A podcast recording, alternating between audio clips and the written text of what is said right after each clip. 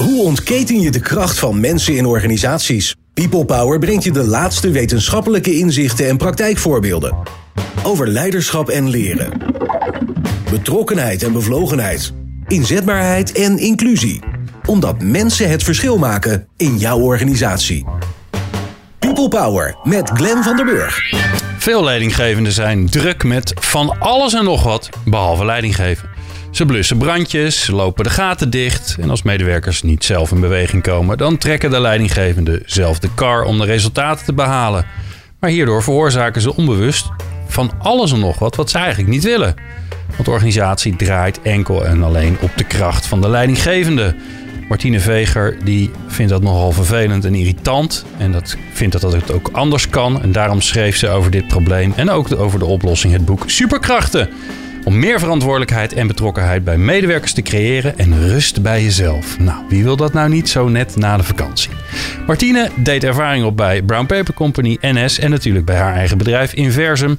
En ze was eerder te gast in de 150ste aflevering van People Power. Het lijkt wel gisteren, maar het was 2018. En toen kondigde ze al aan dat ze een boek ging schrijven. En nu is het er. Nou, wij gaan naar het hemd van het lijf vragen. Martine Veger is de, gast bij People Power en ik ben blij dat je luistert. People Power met Glenn van den Burg. Martine, wat leuk dat je er bent. Ja, vind ik ook. Ja, toch? Ja, Ja, als ik, ja, ligt dat nou aan mij of voelt het voor jou ook als de dag van gisteren? Nou, ik heb serieus even op mijn telefoon gekeken. Wanneer was het nou dat we hier eh, waren? Ja. Ik had niet in mijn hoofd dat het meer dan drie jaar geleden was. Nee. Nee, en ondertussen zijn we over de 400 heen. Ik moet eh, snel even gaan opletten wanneer we 500 hebben, want dan moeten we maar weer eens wat bijzonders gaan doen. Ehm, maar dat, eh, daar gaan we het helemaal niet over hebben. We gaan het over jou hebben, over, over jouw mooie boek. Laat maar eens even beginnen bij ehm, de belangrijkste vraag. Wat gaat er nou mis? Wat gaat er nou mis? Ja, waardoor jij dacht, ik moet een boek schrijven. Nou, je zei het al, eh, toen ik hier was, drie jaar geleden, toen was ik natuurlijk al van plan om een boek te schrijven. Ehm, en waarom ik toen graag een boek wilde schrijven, was omdat eh, heel veel leidinggevenden inderdaad als een soort van superheld elke keer ervoor zorgen dat het goed komt in de eh, organisatie. Zij willen heel graag dat resultaten worden behaald. En daardoor gaan ze eh, aan medewerkers trekken en sleuren om hun in beweging te krijgen. Maar dat is eigenlijk niet de beste manier om mensen in beweging te krijgen. Sterker nog, door heel hard te gaan trekken, gaan die mensen juist niet in beweging, waardoor jij nog harder gaat trekken. Nou, dat is eigenlijk een cirkeltje wat steeds maar door en door en door gaat. Eh, dus wat gaat er niet goed? Leidinggevenden die ehm, stoppen heel veel energie daarin, maar bereiken er eigenlijk het tegenovergestelde mee. Dus ze zijn heel erg bezig met het meekrijgen en in beweging krijgen. En het gevolg daarvan is dat mensen niet in beweging Ja. komen. Waardoor ze nog meer en nog harder gaan werken. Maar, maar wat zie jij ze dan doen? Dat, eh, dat in beweging krijgen. Wat, wat, Ehm, wat gebeurt er? Als je, zelf allerlei dingen organiseren. Dus bijvoorbeeld een, ehm, eh, als, als resultaten niet worden behaald, eh, zelf, of, of zelf allerlei dingen verzinnen waardoor het beter kan. In plaats van aan medewerkers te vragen, joh, hoe kan jij je werk nou anders doen? Of zelf allerlei brainstorm sessies organiseren. Zelf heel veel initiatief nemen, waardoor die medewerker eigenlijk gaat afwachten. aha. Dus daar het probleem ligt bij het initiatief van de leidinggevende. Die, die voelt zich verantwoordelijk en die gaat dingen doen. Ja, En het maakt niet eens Ja. veel uit wat hij doet. Hij moet gewoon minder doen. Nou ja, Wordt een gewoon- korte, korte aflevering dit. Ja, gewoon minder doen, dat, daar heb je natuurlijk ook niet mee. Kijk, ehm, heel veel eh, management development programma's en zo, die gaan allemaal over faciliterend en coachend leiding geven. Hè? Dus dat is eigenlijk dit, Ja. dat jij het niet zelf de hele tijd de kar gaat trekken. Ja, servant eh, leadership. maar dat je, precies, dat Ja. je mensen de ruimte geeft zodat ze dat zelf kunnen doen. Ja, de luisteraars zien jouw gezicht er niet bij, maar daar vind Nee. je wat van. Nou, nou ik, nee, ik vind het wel mooi. Alleen het is altijd weer zo'n zo'n zo'n ding. Van, Ja. Doe dit, het komt goed en dan komt het goed. Nou, en ik denk dus, als je vraagt van waarom moest dat boek er komen? Ehm, het is natuurlijk een heel groot deel wat die leidinggevende zelf doet. Eh, die gaat zelf heel hard werken. Eh, maar de organisatie waarin die leidinggevende zit, die zorgt er ook voor dat hij dat blijft doen. Dus de, de rollen in organisaties, de overlegstructuren in organisaties, eigenlijk de hele context van zo'n organisatie is vaak erop gemaakt dat die leidinggevende vertelt hoe het werk gedaan moet worden. Ja. Dus het is niet alleen maar leidinggevende, ga je anders gedragen en het komt goed. eh, het is meer dan dat. Het is en zet je eigen energie anders in. Dus dan ga je jezelf eh, eh, anders gedragen. Maar ook richt je organisatie zo in dat die medewerkers ook continu de ruimte krijgen om zelf eigenaarschap te nemen. En wat is dan het? Hè, we blijven nog even bij, want we moeten even, je moet, e- mensen moeten eerst de pijn voelen, want anders gaan ze dat mooie boek van jou niet lezen. Uh, dus we, daar moeten we even voor herkenning gaan zorgen. Oké, dus voor mij de gemiddelde leidinggevende die luistert, die denkt, ja, ik ben ook heel hard aan het werk. En ik vind het ook lastig om, om ja, datgene wat ik eigenlijk wil, namelijk dat, uh, dat mensen de handschoen zelf oppakken, mm. mijn collega's. Dat zie ik ook niet gebeuren. Wat doet dat met die leidinggevende? Ja, nou, van burn-out tot uh, een mindere variant ervan. Maar mensen, mensen die naar mij toe komen met dit probleem, die zijn er echt wel klaar mee. Die, die komen thuis, ook niet meer thuis met een, een uh, happy, uh, ik ga lekker naar mijn werkgevoel. Die worden back af, want je, ja. je, je blijft maar geven en er komt niks terug. Dus het gevoel van zo'n leidinggevende, um, ja, dat is heel naag. Dat is een heel, heel druk op je schouders. Alsof, ja. alsof jij als enige ervoor verantwoordelijk bent dat, dat je organisatie draait. Ja, en, en jij hebt, hè, je hebt bij een aantal organisaties gewerkt voordat je bij je, voor jezelf bent begonnen. Ja. Waar zag jij dat dan? Hoe herkende je het dan? Want dit, dit, dit is ontstaan. Dit is niet ja. van de een op de andere dag. Uh... Um, nou ja, misschien ga ik dan nu iets niet helemaal in de pijn waar jij in wil. maar als ik naar mezelf keek, ja. ik deed zelf precies hetzelfde. Dus ik ben zelf bij heel veel organisaties geweest en dan kwam ik als consultant en dan was ik de superheld. Dus dan ging ik elke keer voor zorgen dat die medewerkers en de leidinggevenden met elkaar praten. En dan ging ik er elke keer voor zorgen dat het goed kwam. Dus wat ik heel veel heb gezien in verschillende organisaties is, ha, het gaat hier niet goed. Ik trek het zelf als leidinggevende niet meer. Ik vlieg een consultant naar binnen. Ja, ja. En die zorgt dan dat het goed komt. Dus het. Um, nou ben ik je vraag even kwijt wat je. Wat je nou, wanneer jij het zag, wanneer, je, wanneer wat je tegenkwam, zeg maar, in de praktijk, waardoor dit langzaamaan nou ontstond. Dus uh, wat ik tegenkwam is of dat um, uh, leidinggevende um, zelf alles, gaan, uh, alles uit handen gaan nemen voor medewerkers. Dan op een gegeven moment denken: ik wil dit niet meer. Ik trek zelf die kar, ik stop ermee. En dat ze er dan resoluut ermee stoppen. En dan vervolgens zeggen: ja, jullie moeten het zelf doen. Maar die medewerkers die zijn helemaal niet gewend om het zelf te doen. Hmm. En die denken, hoezo? Wat, moet ik dan zelf doen? Of ze gaan wel aan de slag, maar niet in de richting die die leidinggevende wil. Ja, ja, dus dan krijg je de abrupte overgang die we onder meer in de zorg hebben gezien. Dat ineens iedereen ja. zegt, weet je, we gaan zelfsturing doen. Ja. Uh, oh ja, weet je, jij hebt geen baan meer en jij moet nu alles zelf oplossen. Succes. Ja, dat gaat niet werken. Nee. Nee, dus, nee. Je, dus je kan wel het eigenaarschap veel meer bij medewerkers uh, leggen. Maar dan moet je daar wel de voorwaarden voor creëren. En dan moet je ook wel heel duidelijk zijn in wat wil je dan dat ze gaan realiseren en aan welke criteria voldoet dat dan. En hoe Ja. zorg je ervoor dat je dan niet toch als leidinggevende stiekem er wel zelf mee gaat bemoeien. Ja. En als je nou naar jezelf kijkt, hè, want ik vond het wel mooi dat je zei, ja, ik deed, ik deed dat eigenlijk ook als, als, als consultant. Uh, waarbij je eigenlijk gewoon het werk van uh, dat gedeelte van het werk van een leidinggevende overnam. En dan Mm. ging je ook uh, weer heel hard werken om Ja. te zorgen dat iedereen het leuk vond en eh, aan de slag ging en ging samenwerken en weet ik veel wat allemaal. Maar wat doe je dan als je dat niet meer doet? Wat doe je dan wel als consultant? Nou ja, dat was best even zoeken. Ja, of ben je dan overbodig? Dat kan natuurlijk Nou ja, ook. eigenlijk, het, ik, ik vind het mooi als je als consultant als doel hebt om zo snel mogelijk overbodig te zijn in een organisatie.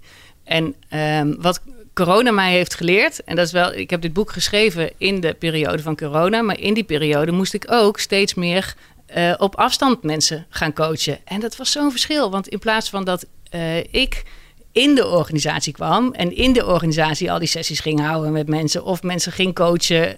Ehm, kijk, als je niet zichtbaar bent in een organisatie als consultant en alleen maar zoals nu met corona, ik één op één eh, coach, coachte ik leidinggevenden die het dan zelf gingen doen. Ja, wat een wereld van verschil. Want dan, moest, dan namen die leidinggevenden zeg maar eigenaarschap om het zelf in die organisatie Ja. te gaan doen.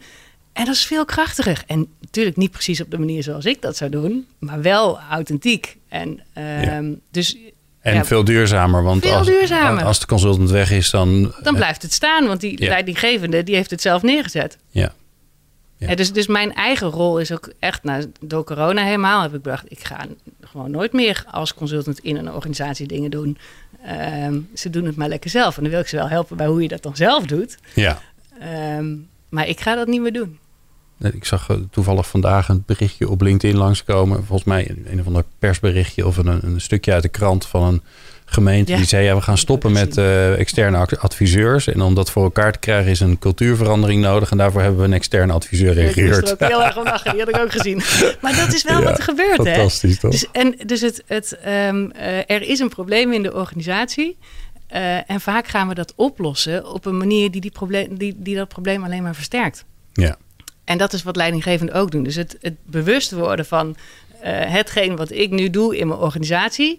Eh, is dat in hetzelfde patroon verder gaan als wat ik de hele tijd deed, wat ik juist wil doorbreken? Of moet ik iets heel anders gaan doen? Ja, dat laatste. Ik denk dat dat het laatste is. Ja, hè? Daar schat ik in, ja. en daar gaan we het zo over hebben. Want de vraag is natuurlijk van ja, als het dan niet meer eh, moet gaan zoals het ging, eh, dan moet het anders. Ja. Maar wat is dat dan? En dat, eh, daar ga ik het zo, zo vragen aan Martine Veger. Betere prestaties en gelukkige mensen. People Power. Martine Veger schreef het boek Superkrachten. eh, in- verkrijgbaar in alle zichzelf respecterende online winkels. Ehm, en dat gaat over hoe je er nou voor kan zorgen dat collega's, en die noem je ook wel eens medewerkers, maar ik vind collega's altijd vriendelijker klinken, ehm, eh, het eigenaarschap nemen en de verantwoordelijkheid nemen, nemen over hun werk. Ja. En als het niet klopt, dan zegt Martine, dat klopt helemaal niet wat je zegt, maar dit is voor mij de samenvatting. helemaal goed. Oké, hoe kan het anders? Want we hebben die, eh, die rondrennende superheld van een manager die zichzelf drie keer over de kop werkt en alle gaatjes dichtloopt. Die zien we allemaal voor ons. Jij zegt dat kan anders. Hoe zou het anders kunnen volgens jou? Je, wil natuurlijk dat niet die leidinggevende die superkracht is, maar dat de medewerkers superkrachten worden. Dat is de titel van mijn boek. Ehm, en het begint er natuurlijk mee dat je als leidinggevende snapt waarom jij steeds die superheldencape aantrekt. Dus dat je begrijpt waarom doe ik dat elke keer en dat je ook inziet dat je daardoor in stand houdt wat je eigenlijk niet wil. Dat is het eerste stukje.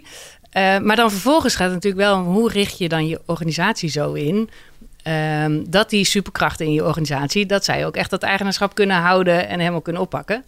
Ehm, En, en, voordat je daarheen gaat, hè, hoe gevaarlijk is het dat die manager, want die, dat, die cape aandoen, hè, Ja. dat, is, eh, dat is wel een mooi beeld. Dat voelt soms ook goed. Hè? Dan is er een gedoetje en dan los je het op. En dan denk je, ha, ik heb het Ja. weer gedaan. Maar dat moet je dus niet meer doen. nee. Dus het, Want als je dus het wel doet, beseffen weer- Dat, je, dat je dat elke keer doet, dat je die cape aantrekt en dat je daarmee misschien zelf even eh, je fantastische kikkergevoel krijgt, maar dat je daarmee in stand houdt dat je hem altijd aan moet trekken. Ja, dat alleen al is natuurlijk een enorme eye-opener. Maar goed, met alleen een eye-opener heb je natuurlijk nog niet Maar ik veranderd. kan me ook voorstellen dat het, dat het ervoor zorgt dat diegene die misschien initiatief had willen nemen, maar net later was, dat die denkt, nou ja, laat, laat. Ja, dan maar zitten. Ja, tuurlijk. Ja. Dus Ja. Je, je, hel- je helpt ook meewerken aan, dus je, lost niet alleen, je lost wel het probleem op, maar je helpt meewerken aan een groter probleem. Precies. Dus als je die cape Je aantrekt, bent is eigenlijk het probleem. Nou, eigenlijk wel. Manager, je bent zelf het probleem. Nou Hier ja, komt de oplossing. ik Dus, wat ik dan denk wel? dat in ieder geval de oplossing is om het altijd te zien vanuit ehm, ik ben het probleem. Want de meeste mensen denken, het is natuurlijk heel fijn om te denken, die anderen zijn, die medewerkers nemen geen eigenaarschap, die doen het niet, die Och. gaan achteroverleunen. Mijn medewerkers, Ja. terwijl eh, als je het altijd zo houdt, dan blijft het ook altijd aan hun liggen en dan kun je er ook niks aan doen. En dat is allemaal zo'n lekkere cliché, maar als je zelf onderdeel bent van het probleem, kan je het ook zelf onderdeel zijn van de oplossing. Ja. Ja, ja. dat is heel simpel. Maar hoe dan? Maar hoe dan? Ja. Nou, ehm, het tweede deel van mijn boek gaat eigenlijk vooral over de hoe dan. Ehm, en die zit in, in verschillende onderdelen. In ieder geval gaat het erom dat je anders kijkt naar die medewerkers. Dus dat je je eigen eh, gedachten gewoon ook anders kunt eh, manipuleren eigenlijk. Want als jij elke keer denkt, nou die medewerker doet het niet en hij doet het niet, dan ehm, eh, wordt dat ook echt de waarheid in jouw hoofd. Mhm. Dus het eerste is zorg dat die hersenen van jou ook de andere kant gaan zien. En dat je dus ehm, op een andere manier naar je medewerkers gaat kijken. Nou, dat is eigenlijk een, een klein stukje van de ehm, hoe kijk ik naar mezelf als leidinggevende en hoe verander ik dat. Maar ook dan ben je er nog niet, want dan ben je zelf misschien als leidinggevende doe je het anders. Maar dan nog zitten die medewerkers wel met al hun collega's in een structuur, in een context die vaak nog heel erg top-down is. Dus dat is het tweede waar je ehm, naar kunt kijken. En dan gaat het er ook vooral om dat je weet, wat wil ik dan dat die medewerkers doen? En niet alleen welke taak wil ik dat zij uitvoeren, maar wat is het eindresultaat? Wat moet er uiteindelijk in mijn organisatie gebeuren? Ehm, en wat ik in mijn boek schrijf, is dat je daarbij ehm, mensen tot eigenaar kunt maken. Dus dat je kijkt in elk team, wie in, wie in het team is een type waarvan ik denk van, nou, die gaat ervoor. Dat is zo'n medewerker die ik in een uh, klassificeer als iemand die een superkracht zou kunnen worden. En dat je die mensen eigenaar maakt van een operationeel doel. En dat je hun uh, ook echt de verantwoordelijkheid geeft om dat operationele doel samen met hun andere collega's te behalen. Oké. Okay. En dus, ben je dan maar dat, steeds dat, niet mee, maar... Nee, maar ik, ik zie zo'n team vormen. Ja. Daar werken allemaal mensen die ongeveer uh, uh, hetzelfde doen. Ja. Maar jij zegt dus, daar pik je er... Nee, niet, niet, nu klinkt het weer zo alsof je iemand gaat promoveren. Die kun je allemaal een aparte doelstelling geven, eindresultaat geven waarvan je zegt, daar ben jij verantwoordelijk voor. En jij bent, jij doet het voor. Ik, ik heb even teruggeluisterd naar onze, onze aflevering van drie jaar geleden. Ah, toen zat je nog bij de NS. Ja. dus toen was het op tijd komen. Ja. Dat was er één. En uh, volgens mij klantvriendelijkheid was er één. En er wordt allemaal op gemeten natuurlijk bij de NS. Dus dan binnen zo'n team zijn er, zijn er dus mensen die hebben een verschillende, die hebben, die hebben een afwijkend doel waar zij voor gaan. En dan niet alleen voor jezelf, maar voor het hele team. Dus als, je, als je dan bijvoorbeeld NS, hè, veilig op tijd gastvrij, dat waren de belangrijke doelen voor NS. Dan had je binnen één team, had je één eigenaar veilig, één eigenaar op tijd, één eigenaar gastvrij. En uh, die eigenaren die nemen dus de verantwoordelijkheid om te ontwikkelen van wat er nodig is om dat doel met z'n allen te realiseren. En dat betekent dat je dus een paar mensen hebt die inderdaad voorop lopen en die daarmee die, die kar gaan trekken je niet het, ik, maar even, heb je niet het gevaar dat je dan een soort coördinatoren krijgt? Weet je, zo'n naam van we willen je geen manager noemen, want er hoort een hogere schaal bij, maar je hebt wel meer verantwoordelijkheid. Ja, of ben je dat niet tegengekomen? Ben ik niet tegengekomen. Oké. Nee. nee. want je, je um, het is, want jij zei van, jij wilde niet zeggen, ik pik er een paar mensen uit. Eigenlijk zeg ik, doe dat wel. Dat doe je wel, ja. Ja, want kijk naar het team mensen wat je hebt. En kijk wie binnen dat team is nou echt iemand waarvan ik denk, die, die kan die kar trekken.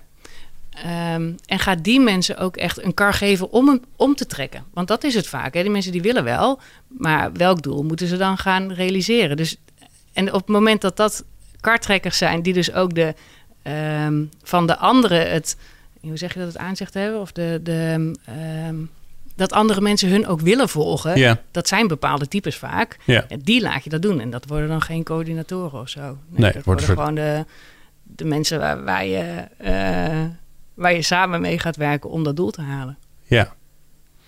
Maar dan is het dus wel best wel afhankelijk van het inzicht van de leidinggevende in zijn mensen. Want die moet wel de, de juiste kiezen. Want die groepsdynamiek werkt natuurlijk ook zo dat als je de verkeerde kiest, dan denkt iedereen, ja, doei. Ja.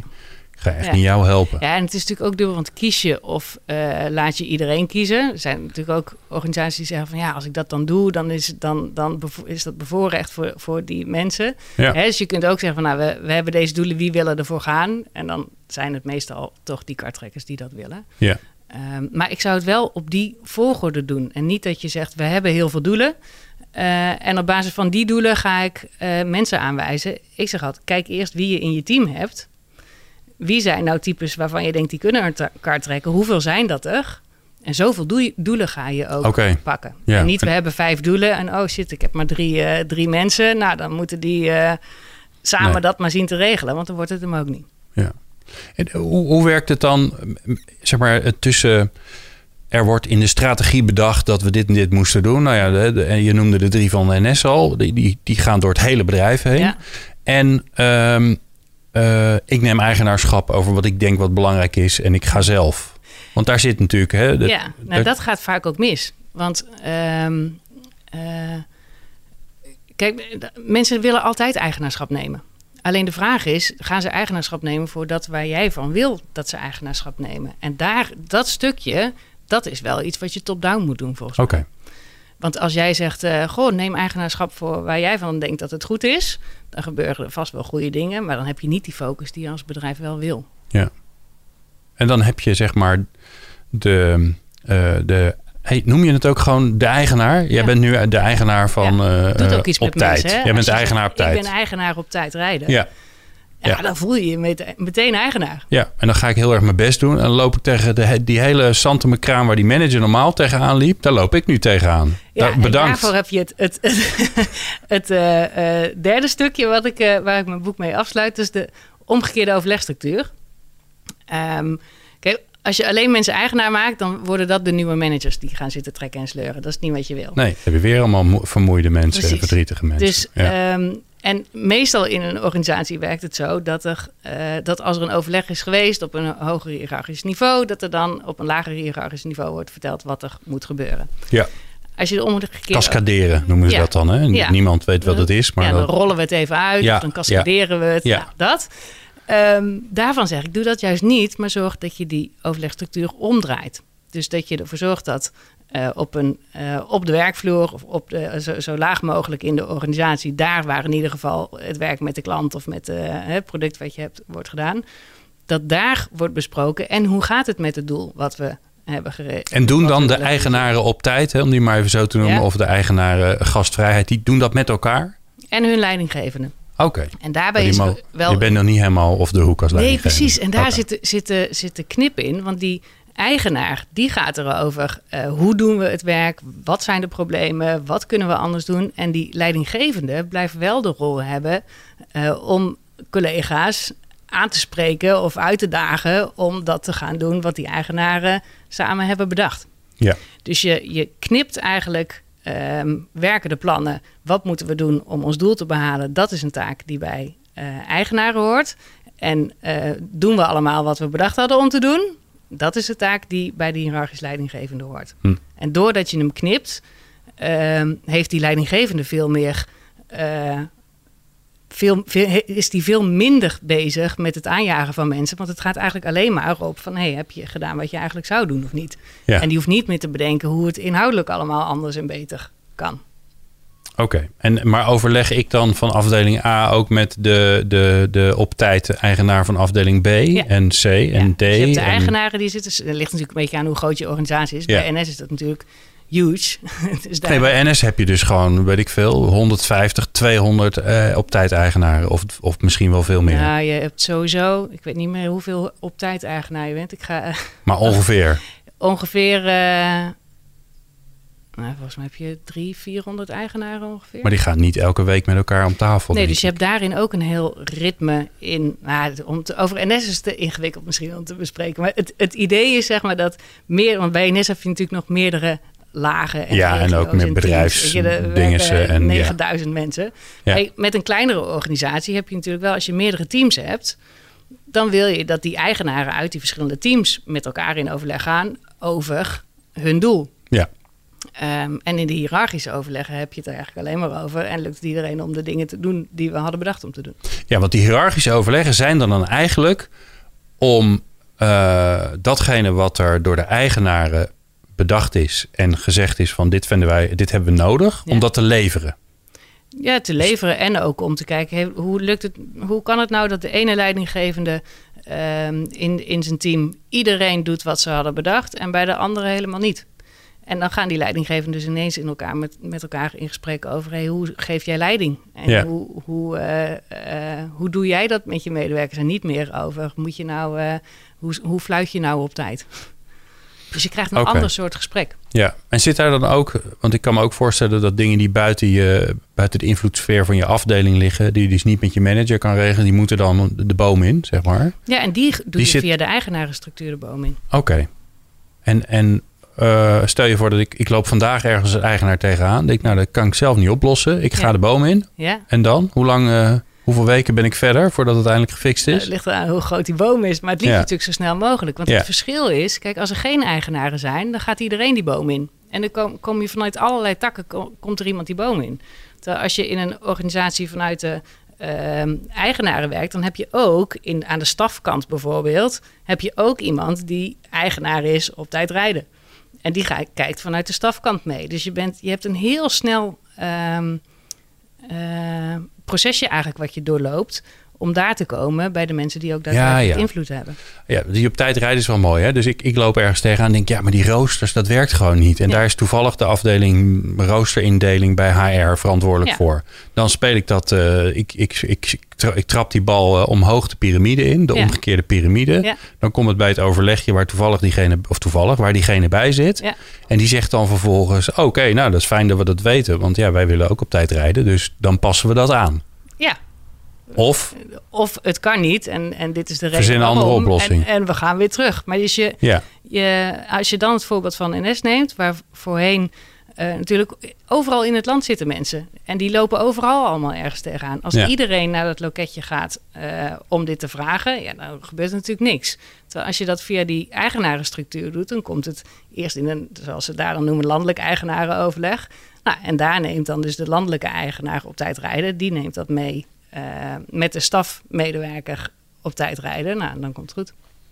ja, eigenlijk is het gewoon een, een soort omgekeerde structuur om je, je, je, je strategie voor elkaar te krijgen. Ja, Toch? ja. Maar die moet je wel hebben. Die strategie. Maar dat is een ander onderwerp. Och, ik dacht even, maar straks gaan we daar eh, weer... Nee, moeten we niet doen. De, spa- de spannende vraag is natuurlijk wel... Oké, dat is leuk dat we dat hebben. Ja. Maar hoe zorgen we er nou voor dat je er komt? Want, nou ja, nu doen we het op A, manier A. Jij hebt net manier B verteld. Nou, hartstikke leuk. Maar hoe ga je ervoor zorgen dat je, dat je daar komt... zonder dat je allerlei weer kleerscheuren krijgt... en managers die er geen zin in hebben enzovoorts. Dat hoor je zo. Hoe ontketen je de kracht van mensen in organisaties? People Power. Martine Veger. Je bent zelf natuurlijk ook een superkracht. Of eigenlijk misschien wil je dat helemaal niet meer. Want ja, dat, er zit ook een soort negatieve bijklank aan. Hè? Dus het is, je wil dat, je, dat iedereen een superkracht wordt. Maar je wil zelf wat minder superkracht zijn. Want je wordt er ook wel moe van om het elke keer te zijn, Ja. toch? Ja, eigenlijk eh, ben een echte held en laat medewerkers superkrachten zijn. Ja. Dat is hem dan. hè? Ja, laat anderen shinen. Ja. Ehm, Oké, ik wil dit. Ik ben leidinggevende. Ik, ik heb hier naar geluisterd. Ik, ik, ik snap het. Ehm, ik zie het. Ik zie wat ik, eh, welke valkuil ik intrap. Ehm, ik bel jou op, Martine. Het is tijd dat wij hier ook mee aan de slag gaan. Hoe gaan we dat aanpakken? Ik huur jou in als eh, niet, niet werkovernemende consultant, maar, eh, maar jij gaat mij helpen door mij het werk laten doen. Wat, wat, gaan we doen? Help ons eens door de stappen heen. Ehm, nou, sowieso heb ik tegenwoordig een programma gemaakt. Dus ik ga ook niet meer zelf echt organisaties helpen. Ik heb gewoon één programma en dat kunnen verschillende leidinggevenden volgen. En dan loop ik eigenlijk met ze stap voor stap al die, ehm, al die stukken. Maar wat bedoel je met ik heb een programma? Ga ik gewoon een videootje kijken en ben ik klaar? Eh, Nou, zo simpel is het niet. Nee, toch? Nee, dat, dat lijkt Nee, me niet. wa- Wat ik heb gemaakt is, ik heb heel veel verschillende eh, korte video's... waarin ik eigenlijk uitleg geef, zoals in het boek... maar dan met wat meer verdieping en meer voorbeelden. En er zitten allerlei opdrachten bij die mensen zelf thuis kunnen doen. En Ja. dan één keer in de twee weken is er een groepsessie...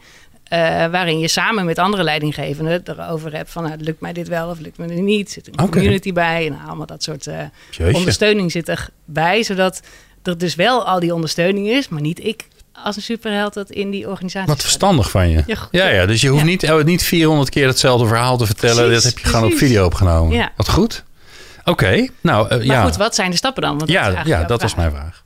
Ehm, nou, het begint natuurlijk wel met dat je eerst naar jezelf kijkt. Dus waarom trek je elke keer die superhelden cape aan?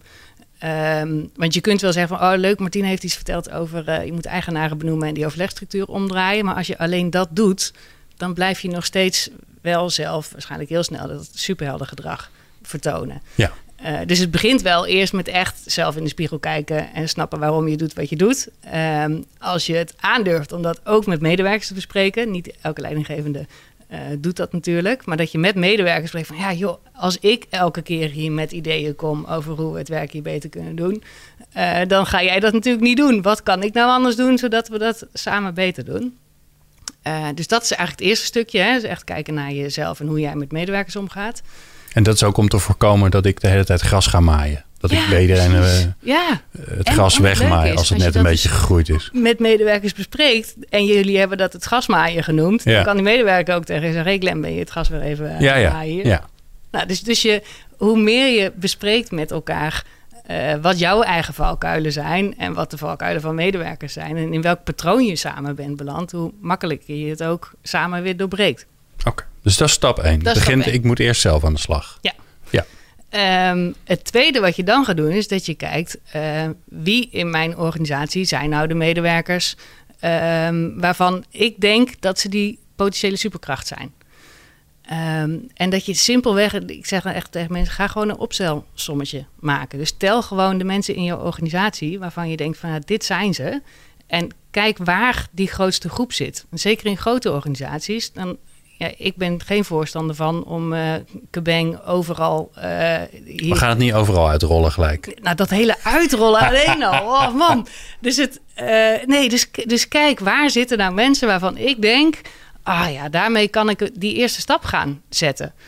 Um, en is dat één team of zijn het een aantal mensen die heel gepassioneerd zijn over één onderwerp bijvoorbeeld?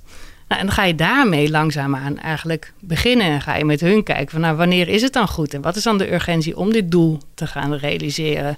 En doe je dat ook om gewoon een beetje te oefenen? Want ik, ik kan me ook voorstellen dat je de, eh, de, tweede keer dat je ermee aan de slag gaat met een groep, dat je, dat je er beter in wordt. Ja, ja dus begin ook niet bij de uh, mensen waarmee je het het meest lastig vindt om leiding te geven. Maar begin met mensen waarmee het al goed gaat.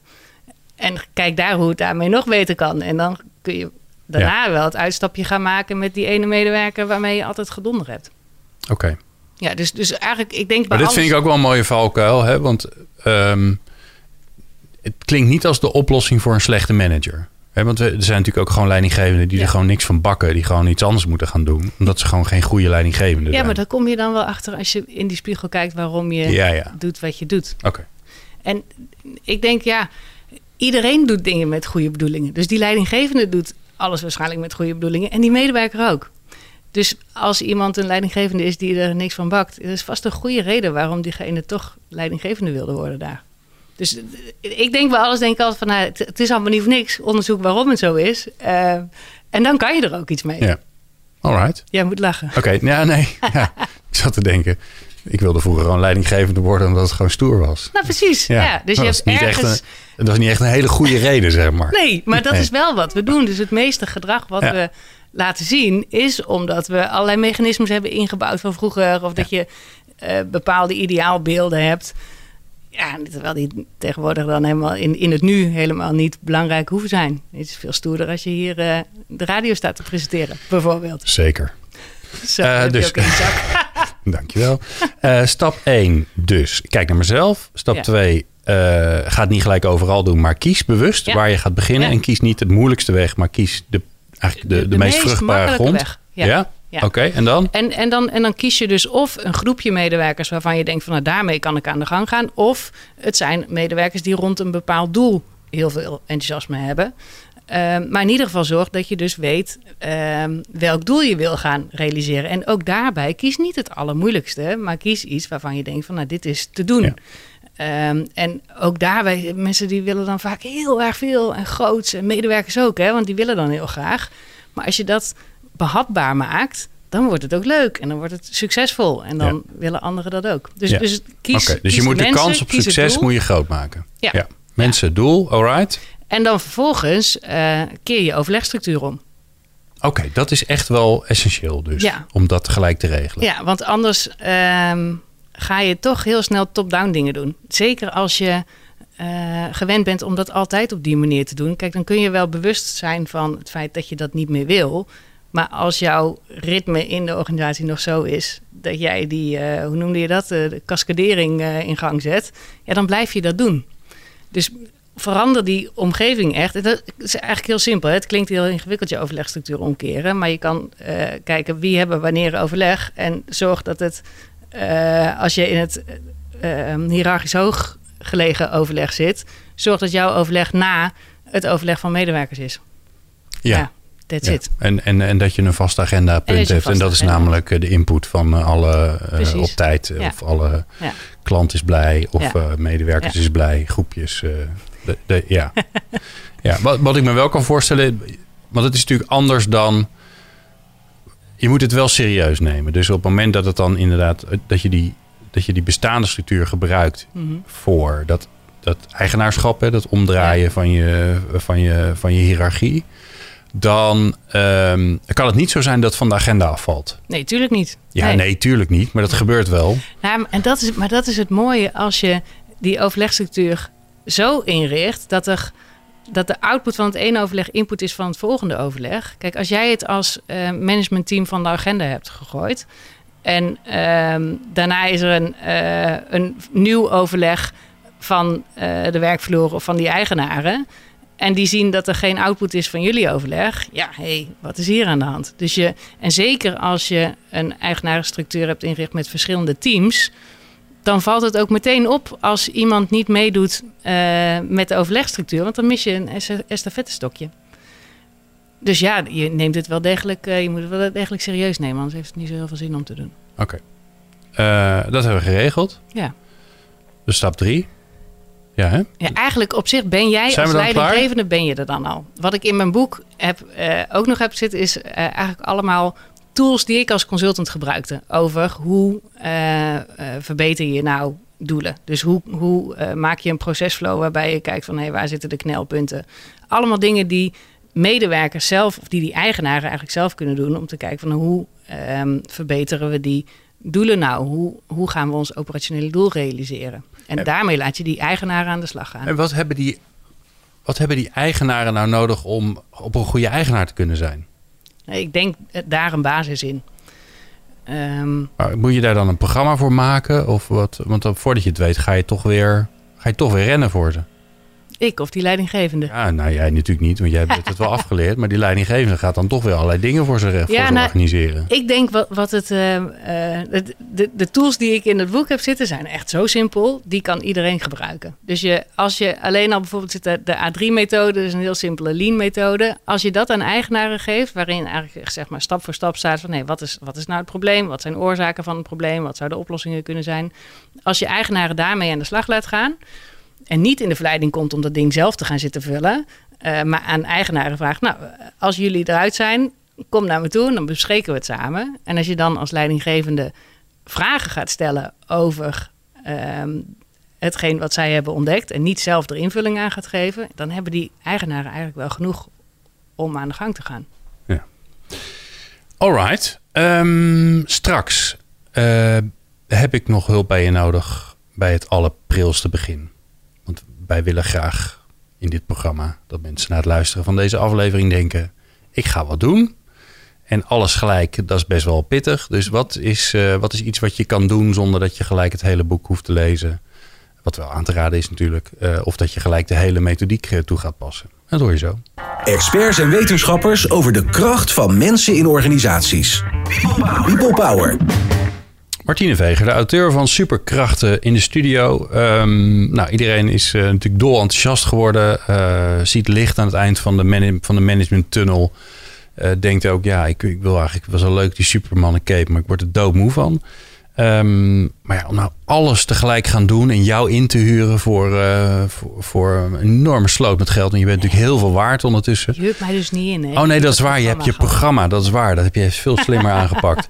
Um, maar stel je voor dat mensen gewoon denken, nou, ik wil gewoon even wat uitproberen. Ja. Dus wat, wat kunnen ze dan doen zonder dat ze, waarbij ze zeg maar kunnen, een beetje kunnen oefenen, zonder dat ze enorme schade toe kunnen brengen of dat het onzin is omdat, je, al, nou, dat het maar een onderdeeltje is. Ja, of gewoon iets waarvan je zegt van nou, als je dit hebt gedaan, dan heb je in ieder geval een stapje gezet. Maar wat niet zoveel moeite kost. Ja, om een soort succeservaring ja. te organiseren. Nou, wat ik de meeste leidinggevende vraag is om een heel simpel lijstje te maken. Ja. Met twee kolommetjes erop. En dan uh, stel je je voor dat jij naar een nieuw bedrijf gaat. Een bedrijf waarbij je precies hetzelfde doet als je huidige bedrijf. Je hebt precies dezelfde klanten. Uh, en je hebt dezelfde keuze om te kiezen welke medewerkers jij meeneemt. Dus als je kijkt naar het team wat jij hebt, wie zou je meenemen naar het mm. bedrijf en wie zou je niet meenemen? Zo simpel. Stel jezelf die vraag. Okay. Schrijf uh, in de ene kolom mensen die je wel mee zou nemen, in de andere kolom mensen die je niet mee zou nemen. En dan is natuurlijk vervolgens de vraag: die mensen die je niet mee zou nemen, wat doen zij nou waardoor je ze niet mee zou nemen? En welke rol heb jij daar zelf in? En als je het enige eigenlijk wat je jezelf hoeft af te vragen is: wat doet diegene? Um, en als diegene dat doet, wat doe ik dan als reactie daarop? als hetgene wat jij doet dan toevallig iets is, waardoor het heel logisch is dat die ander doet wat hij doet waaraan je je zo stoort, mm. nou, dan weet je dat je daar iets anders mee kunt doen. Ja, ja, ja. Waarschijnlijk komt er ergens tussen staan, neem nooit initiatief. En wat doe ik dan? Ik neem het initiatief. Precies. En dan moet je bij jezelf nadenken. Hmm, Ja, en daar heb je nog hele. Kan je natuurlijk helemaal inzoomen op waarom doe ik dat dan? Hè? Wat voel ik? Wat denk ik? Welke verhalen vertel ik mezelf waardoor ik dit doe? Hè, dus daar kan je een hele verdieping op maken. Maar ook zonder die verdieping, alleen al even het cirkeltje tekenen. Wat doet diegene? Wat doe ik daardoor? Waardoor het eigenlijk logisch is dat diegene dat doet. Dat ehm, zet meestal al wel even aan tot eh, zelf iets anders te gaan doen. Helemaal goed. Ik vond het bijzonder leuk dat je hier, eh, hier bent. En dat je je... Ja, je eh, dat is toch altijd knap, hè? Dat je iets drie jaar geleden voorneemt en dat je het ook Dat daadwerkelijk doen, hebt hè? gedaan. Hè? Want ik heb me wel zoveel dingen voorgenomen die er nooit van zijn gekomen. Maar ja, dan moet je ze dus op de radio uitspreken, dan ben je aan En de dan ga je beurt. doen, ja, want dan word je eraan gehouden uiteindelijk. Eh, dankjewel Martine, ongelooflijk veel succes met je mooie boek Superkrachten. Nou, nogmaals verkrijgbaar in elk zich- zich- zichzelf respecterende boekwinkel en vooral natuurlijk online te verkrijgen. Ehm, en ehm, meer informatie over Martine kun je vinden op... www.superkrachtenprogramma.nl Nou, kijk eens aan. Dankjewel Martine. Denk ik. Ehm, de volgende aflevering van People Power gaan wij in gesprek over een leven lang leren. En dat doen we, dat is wel interessant. Alles is interessant, ik doe, maar ik vind dit wel heel erg leuk. Dat doen we met eh, Monique Omens. Zij is eh, eh, hoofd Learning and Development bij de Universiteit Leiden. Ja, en daar wordt geleerd. En dan is zij verantwoordelijk voor het leren van de mensen die bezig zijn met het leren van, eh, van anderen. Van, nou ja, van studenten, van promovendi en dergelijke. Dus dat is wel spannend. Tenminste, ik vind dat spannend. En dat hoor je in de volgende aflevering. Fijn dat je hebt geluisterd. Meer afleveringen vind je op peoplepower.radio en jouw favoriete podcast app.